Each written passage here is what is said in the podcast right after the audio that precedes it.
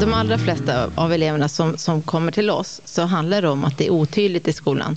De vet inte riktigt vad som förväntar sig av dem.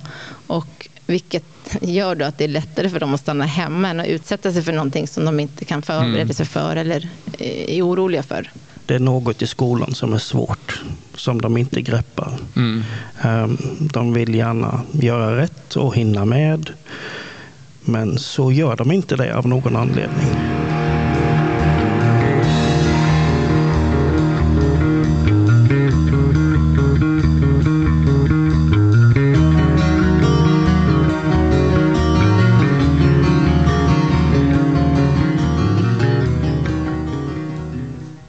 Nu kör vi!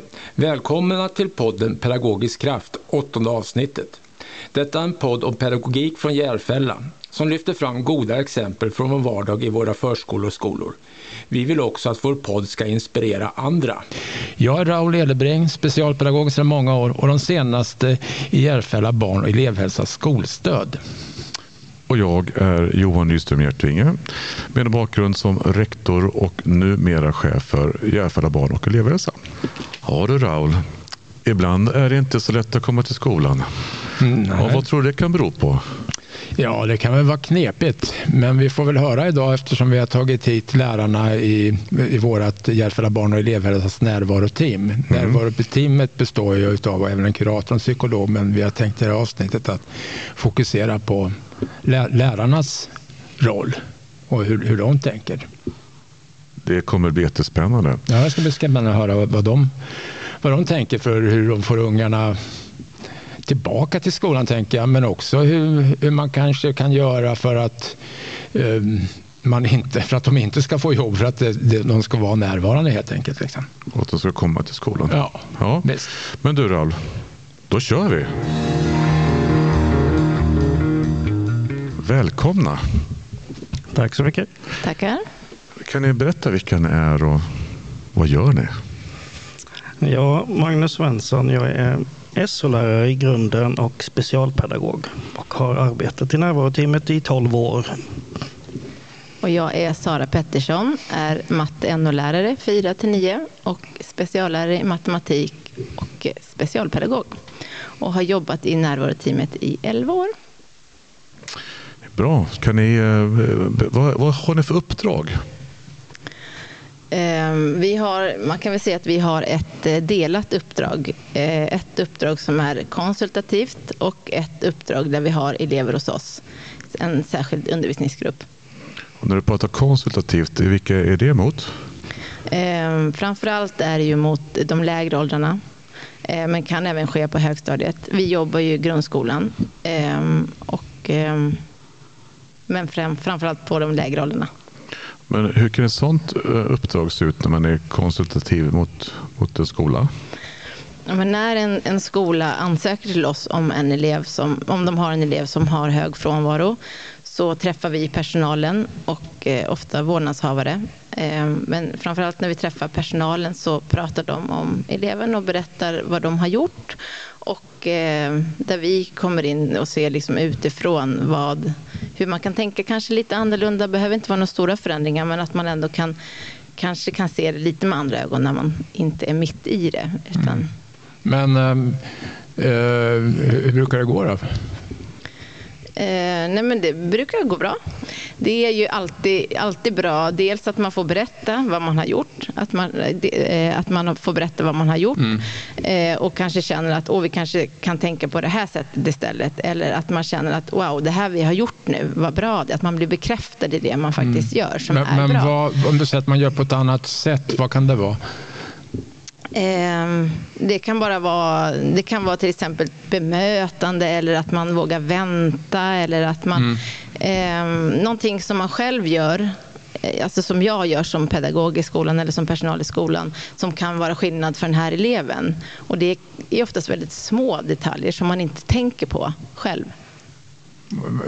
Som exempel eh, skulle kunna vara att man eh, inte ställer en fråga i klassrummet till eleven om den Okej. inte räcker upp handen. Att, man, att eh, det är tydligt för eleven vilken plats är min, vart sitter jag i matsalen, vart vänder jag mig om jag blir osäker, inte behöver läsa högt. Mm. Så då snackar ni med det med lärarna och skolledningen och elevhälsoteamen? Precis. Och föräldrarna naturligtvis? Ja, precis. Så mm. att prata okay. med vårdnadshavarna.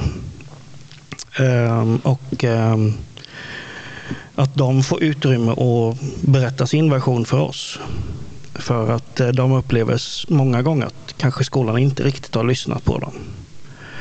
Um, och uh, det blir en medlingssituation. Vi får medla mellan skola och, och vårdnadshavare många gånger. Där det kan bli så när, när det gått lite för långt så står man emot varandra. Mm. Ehm, det blir närmast konflikt i olika, på olika sätt. Just det. Men, men, kan inte det också vara, i alla fall min upplevelse, att ibland är i liknande situationer att det egentligen inte är så stor skillnad på, på vad, vad skolan ser och vad föräldrarna ser utan man, man bygger nästan upp barriärer mot varandra och, och inte möts. Liksom. Jo, det är, ju, det är ju det vi ser när vi har eh, vårdnadshavarna och skolan. Att skolan Ibland så skapas det situationer som är kanske lite onödiga för att man har mm. feltolkat, misstolkat mm, eleven. Mm. Man ser ett beteende och så tolkar man det eh, som någonting som det kanske inte är. Eh, det kan vara osäkerhet eller ja, det kan visas mm. på många sätt och eh, då då eh, berättar man det för vårdnadshavarna och vårdnadshavarna får en annan version hemma och eh, så pratar man förbi varandra helt enkelt. Mm. Och då mm. måste vi in och hjälpa till att reparera den mm. relationen. Och det funkar? Absolut, mm. det gör det. Härligt. Men om man, så att, eh, vad skulle ni liksom säga till skolan egentligen då att göra innan man hamnar just i den situationen att man faktiskt behöver medla? Eller? Viktigt är att man lyssnar på föräldrarna för det är ju faktiskt de som känner barnen allra bäst. Ehm, och att man försöker ta in den informationen man får från dem även om man kanske inte riktigt håller med alla gånger, men så är det en viktig information. Eh, och bjuda med dem att man, att man gör det här tillsammans, att man gör det ihop med dem. Så att det inte blir den här krocken, mm. att man liksom står i varsin ringhörna. Mm. Att det blir en process istället för en fight. Ja. Sen är det viktigt att man, man tidigt, eh, från början när de börjar skolan, att man frågar kanske på ett utvecklingssamtal. Är det jobbigt för er att få iväg ett barn till skolan? Är, att man redan där kan liksom lyfta den frågan, mm. så har man någonting att jobba med. Jag tänker att man ska fråga alla föräldrar det? Eller som generell fråga? Eller är det just man märker att det börjar sladda lite? Alla tänker jag. Det mm. kan vara en, del av utvecklingssamtalet att man lyfter den. Mm. För det, redan där mm. tidigt så är, är det jobbigt, svårt att få iväg sitt barn till skolan i, i de lägre åldrarna. Mm. Så ofta så blir det ju oftast värre när de blir äldre. Då är det svårare som förälder att få med sitt barn till skolan. Ja, det är tid upptäckt. Precis, mm. så ju tidigare desto bättre. Mm. Och skilja på vad som är vad. För jag menar, det är väl ofta barn i yngre åldrar säger sig, nej jag vill inte gå. Jag vill inte gå på, till skolan eller jag vill inte gå till träning. Eller jag vill inte. Så jag tänker det är väl också att hitta vad är vad, är vad och vad ska vi ta på allvar i, i det här. Precis. Mm. Ja, jag, jag, tänker, ni, ni, har ju jobbat alltså, vad var det? Ena 11 och den andra 12 år mm. med, med den här problematiken. Ni har träffat massor av elever som har problematisk skolfrånvaro. Eh, Johan och jag vi har tittat på en film där du Sara pratar med elever som gick på Skolverket som vi länkar till sen. Vad, va, va, är, är er uppfattning av alla, alla elever som ni har lyssnat på? För att eh, jag har, ju, jag har ju träffat er med elever och att jag vet att ni är hejare på att lyssna in eleven. Vad, vad, vad, är, vad, är det som de säger att det här handlar om? Liksom? De allra flesta av eleverna som, som kommer till oss så handlar det om att det är otydligt i skolan. De vet inte riktigt vad som förväntar sig av dem. Och vilket gör då att det är lättare för dem att stanna hemma än att utsätta sig för någonting som de inte kan förbereda mm. sig för eller är oroliga för. Det är något i skolan som är svårt, som de inte greppar. Mm.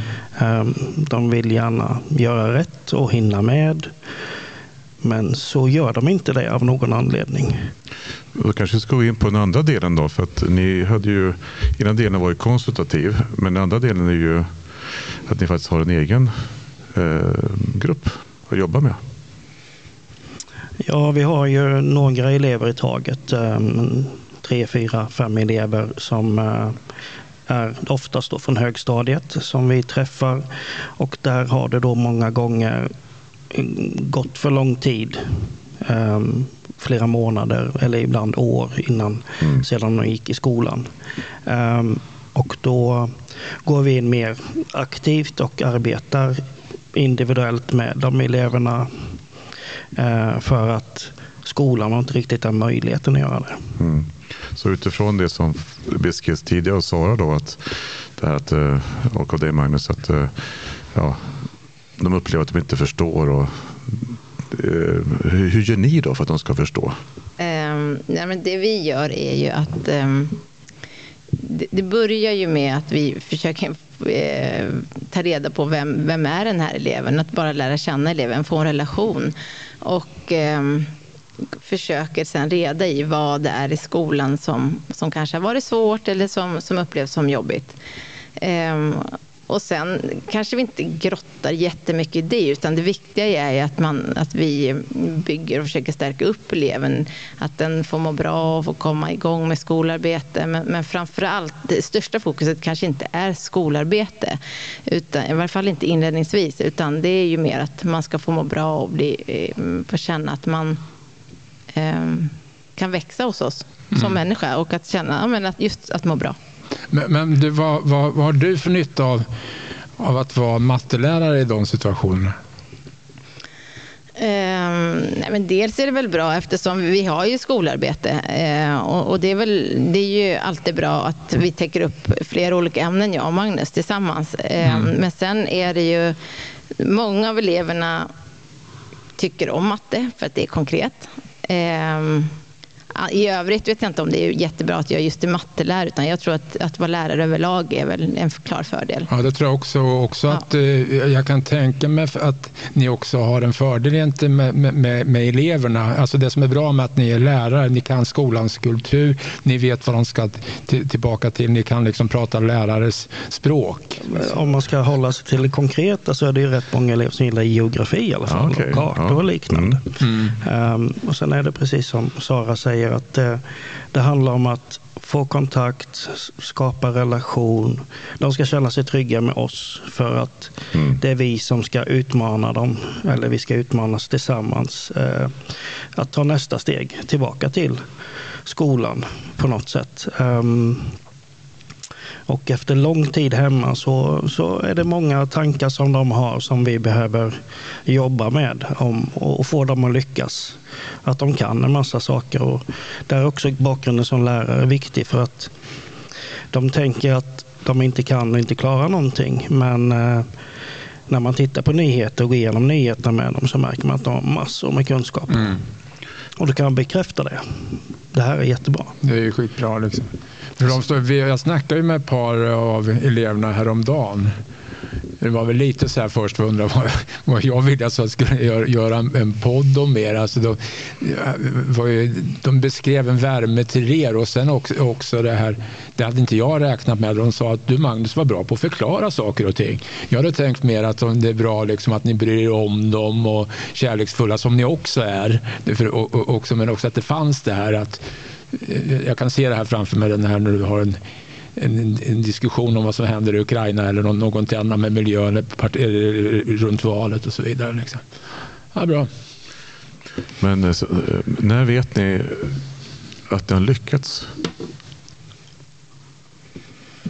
Ja, det, vi märker ju när de börjar slappna av och eh, de börjar säga ja till fler aktiviteter till fler förslag. Ehm, det kan ju vara en, en lång väg att vandra att få dem att eh, vilja mm, ta sig ut och åka kommunalt någonstans eller bara röra sig i närheten av en skola. Ehm, när man börjar prata skola så är det helt plötsligt okej. Okay. Ibland så kan ordet skola vara, de eh, hatar det ordet. Ehm, man börjar prata skola, undervisning, att de kan tänka sig att gå på någon lektion eller eh, det är inte så laddat längre. För det, ja. eh, och det som vi, vi har ju väldigt roligt på plats. Eh, vi skojar mycket och eleverna brukar säga att eh, det är ju Sara och Magnus är ju inte riktigt som alla andra utan att vi eh, eh, det är de som jobbar för oss många gånger. Det är vi som behöver dem. Ehm, Nej, men det är, vi, vi, kör, vi har väldigt roligt. De behöver, skratta, alla behöver skratta. Det är förlösande att skratta och det, det gör vi mycket. Och eleverna ger energi. Ja, precis. Mm. Humor är viktigt. Ja. Alltså jag, eh, jag, har läst, jag jobbar ju ett tag med en kurs om ADHD, autism och neuropsykiatriska funktionsnedsättningar. Heter det, nedsättningar. Och då läste jag eh, en del, en del böcker för att eh, studenterna skulle tro att jag kunde någonting. Och det liksom, man gör en sammanfattning av det. två saker som gäller elever i av särskilt stöd. Stress är skit mm. och man ska ha humor. Mm. Och det är bra. Ja, och, och det, det, måste jag säga överlag. Det gör, vi har även kul på möten, men många av de här familjerna är ju mm. i trauman. Men mm. vi skrattar även på möten med föräldrar och skola. Jag tycker att det också är en jätteviktig ingrediens och att man också måste vara lite, eh, lite modig också. Att våga ha mm. lite mötena. För att det finns en bild av oss att, att vi alltid ska vara så strikta och seriösa. Men egentligen är det så att humor löser ju också upp mycket och, mm. och man blir väldigt, väldigt effektiv även liksom, när man har roligt. Ja, precis.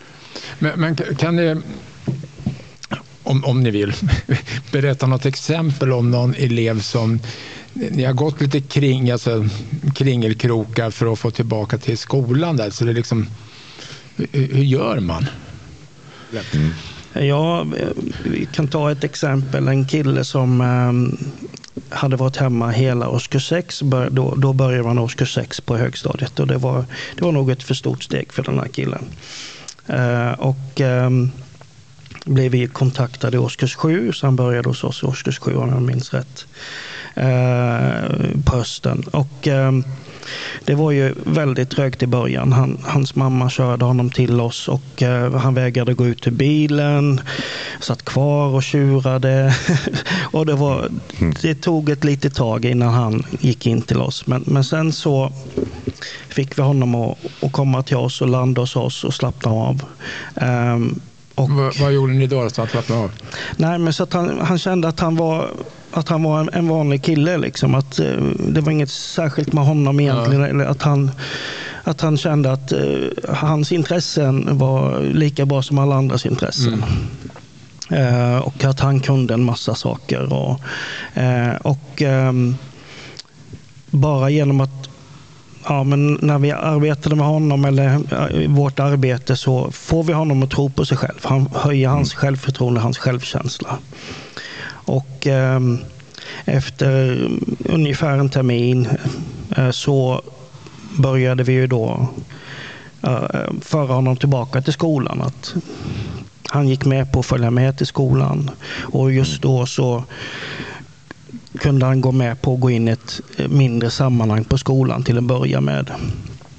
Um, och uh, sakta men säkert så åkte vi dit lite oftare och fick med honom på, på det här att, uh, att lämna tryggheten hos oss och hitta en ny trygghet på mm. skolan. Mm. Men vänta, det här med mindre sammanhang, hur valde ni det mindre sammanhanget som kunde vara gynnsamt för honom? Ja, men det var ju i, i samtal med honom som han kunde säga att då kan jag tänka mig gå till skolan om jag får, får gå i det här mindre. Liksom, den här mindre. Var det lärarna, eller eleverna eller ämnet? Eller vad var det som... Nej, det var mer, eh, han, han hade ju inte riktigt kommit över det här än att eh, det är för många elever i en klass. Mm. Eh, och ehm, att han, inte, han, han skulle inte kunna prestera lika bra just då i klass. Um, och vi accepterade det. Och att han fick ju um, läsa in sina han siktade på åtta betyg för att komma in på yrkesprogram. Mm. Um, och genom, eh, genom att lyssna på honom så kom han in på sitt yrkesprogram. Mm. Och då hade han ju kommit över det här med att han inte kunde vara i klass. Utan då gick han in på sitt yrkesprogram som alla andra och gick ut eh, det programmet. Det nationella programmet med betyg och eh, fick jobb innan han ens Uh, slutade gymnasiet. Mm. Så kom han och besökte oss efter, så det var ju trevligt. Mm. En återkoppling. Ja, det är härligt. Mm.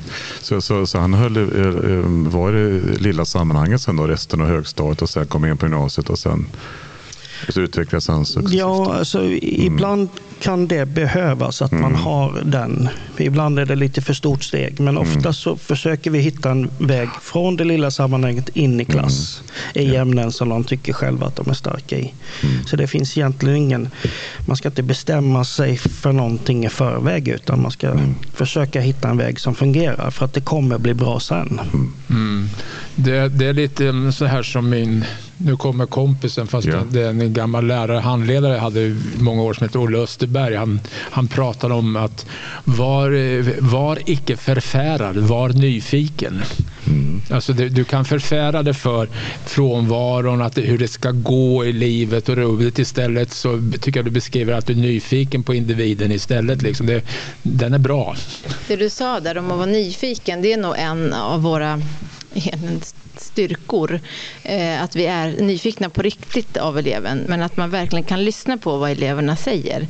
Eh, och eh, det är en grej. Och sen en annan sak som Magnus också nämnde, det här med att man ser alla eleverna som kommer till oss framförallt, vi ser dem som friska. Det är så lätt att man både som förälder och som skolpersonal känner att det är, det är synd om de här eleverna.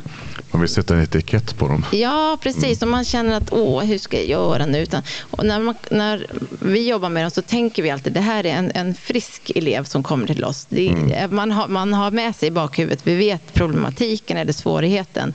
Men det är inte så viktigt egentligen. Utan det är viktigt att vi ska kunna ge den här kraften istället för att gå med i det här att det är synd om dem. Det, det har vi fått höra är en av, av eh, styrkorna med verksamheten.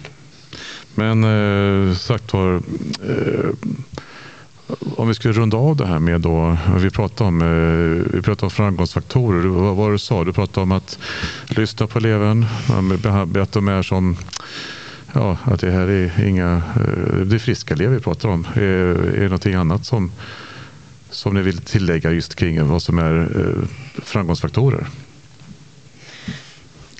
Ehm, men dels att man är intresserad, eh, Mm. intresserad och att man försöker att kartlägga vad, vad är det som ställer till det. Eh, för det är lätt att när det har gått lång tid så är ju allting med skolan dåligt, det är svart. Mm. Men börjar man bena till exempel i schemat så, så kan man försöka hitta ljusglimtar. Det finns ljusglimtar för Mm. alla, om det är en personal eller om det är lektioner. Men några ljusglimtar finns alltid, eller ofta i alla fall. Och, ehm, Sen är det att man måste våga ge, ge det tid. För det tar tid. Ehm, och, och det är väl de råden vi ofta ger till skolan. Att man, eh, om en elev är på väg tillbaka, kommer tillbaka. Att man vågar landa i den lösningen man har just nu. Även nu känner man att nu går det bra. Landa i det lite så att man inte pushar på direkt. Så att, det- För då finns det en risk att det blir en krasch. Just det. Ehm, att man inte kan ta sig förbi den. Ja, och se, se, se närvaron. Mer, mer, är eleven 20 procent i skolan så är det 20 procent. Vad gör ungen i fråga då och vad kan man göra för att bli 30? Liksom? Då får man blicka tillbaka och tänka, för några månader sedan så var det noll procent från, eller närvaro. ja. Precis, att man ser det, de små stegen. Ehm, och att inte prata om vad, är det du, har- vad man har missat, utan man är härifrån och framåt. Just det. Mm. Ja, för jag tänker det det ska ju ställas i, i relation med att de ska få betyg och den normala betygssättet som faktiskt eh, kan infinna sig hos elever. Tänker jag. Mm. Ja, Jag tänker ju att det är jätteviktigt också att ehm, skolan och lärarna liksom sänker lite på press och stress och bedömning och det är sån tävling. ehm, och ehm, att det är inte livsavgörande om man inte får ett betyg i historia e-, eller andra ämnen. Utan se individen, se eleven, se hela människan. Ehm, och ibland har de svackor, ibland är saker och ting svårt. Ha lite tålamod, vänta in dem. Gå inte på direkt med hemuppgifter, extrauppgifter, du ligger efter. Utan slappna av, det blir nog bra. Men eh, med den erfarenhet ni har så kan ni ju egentligen prata hur länge som helst. Tänker jag. Men eh, nu tror jag att ändå vi får tacka Sara och Magnus för att du kom hit. Tack själva. tackar. och dela med er av er både klokskap och eh, erfarenhet. Så Då ska vi passa på att tacka även Huset på höjden som är Järfälla kommuns eh, kultur och aktivitetshus. Här får vi hjälp med att spela in och även redigera vår podd. Vi blir även fotograferade så vi kan lägga ut snyggt på Spotify. Eh, sedan vill vi tacka vår podddesigner Julia Rosborg. Okej, tack och Så, hej. så, tack och hej.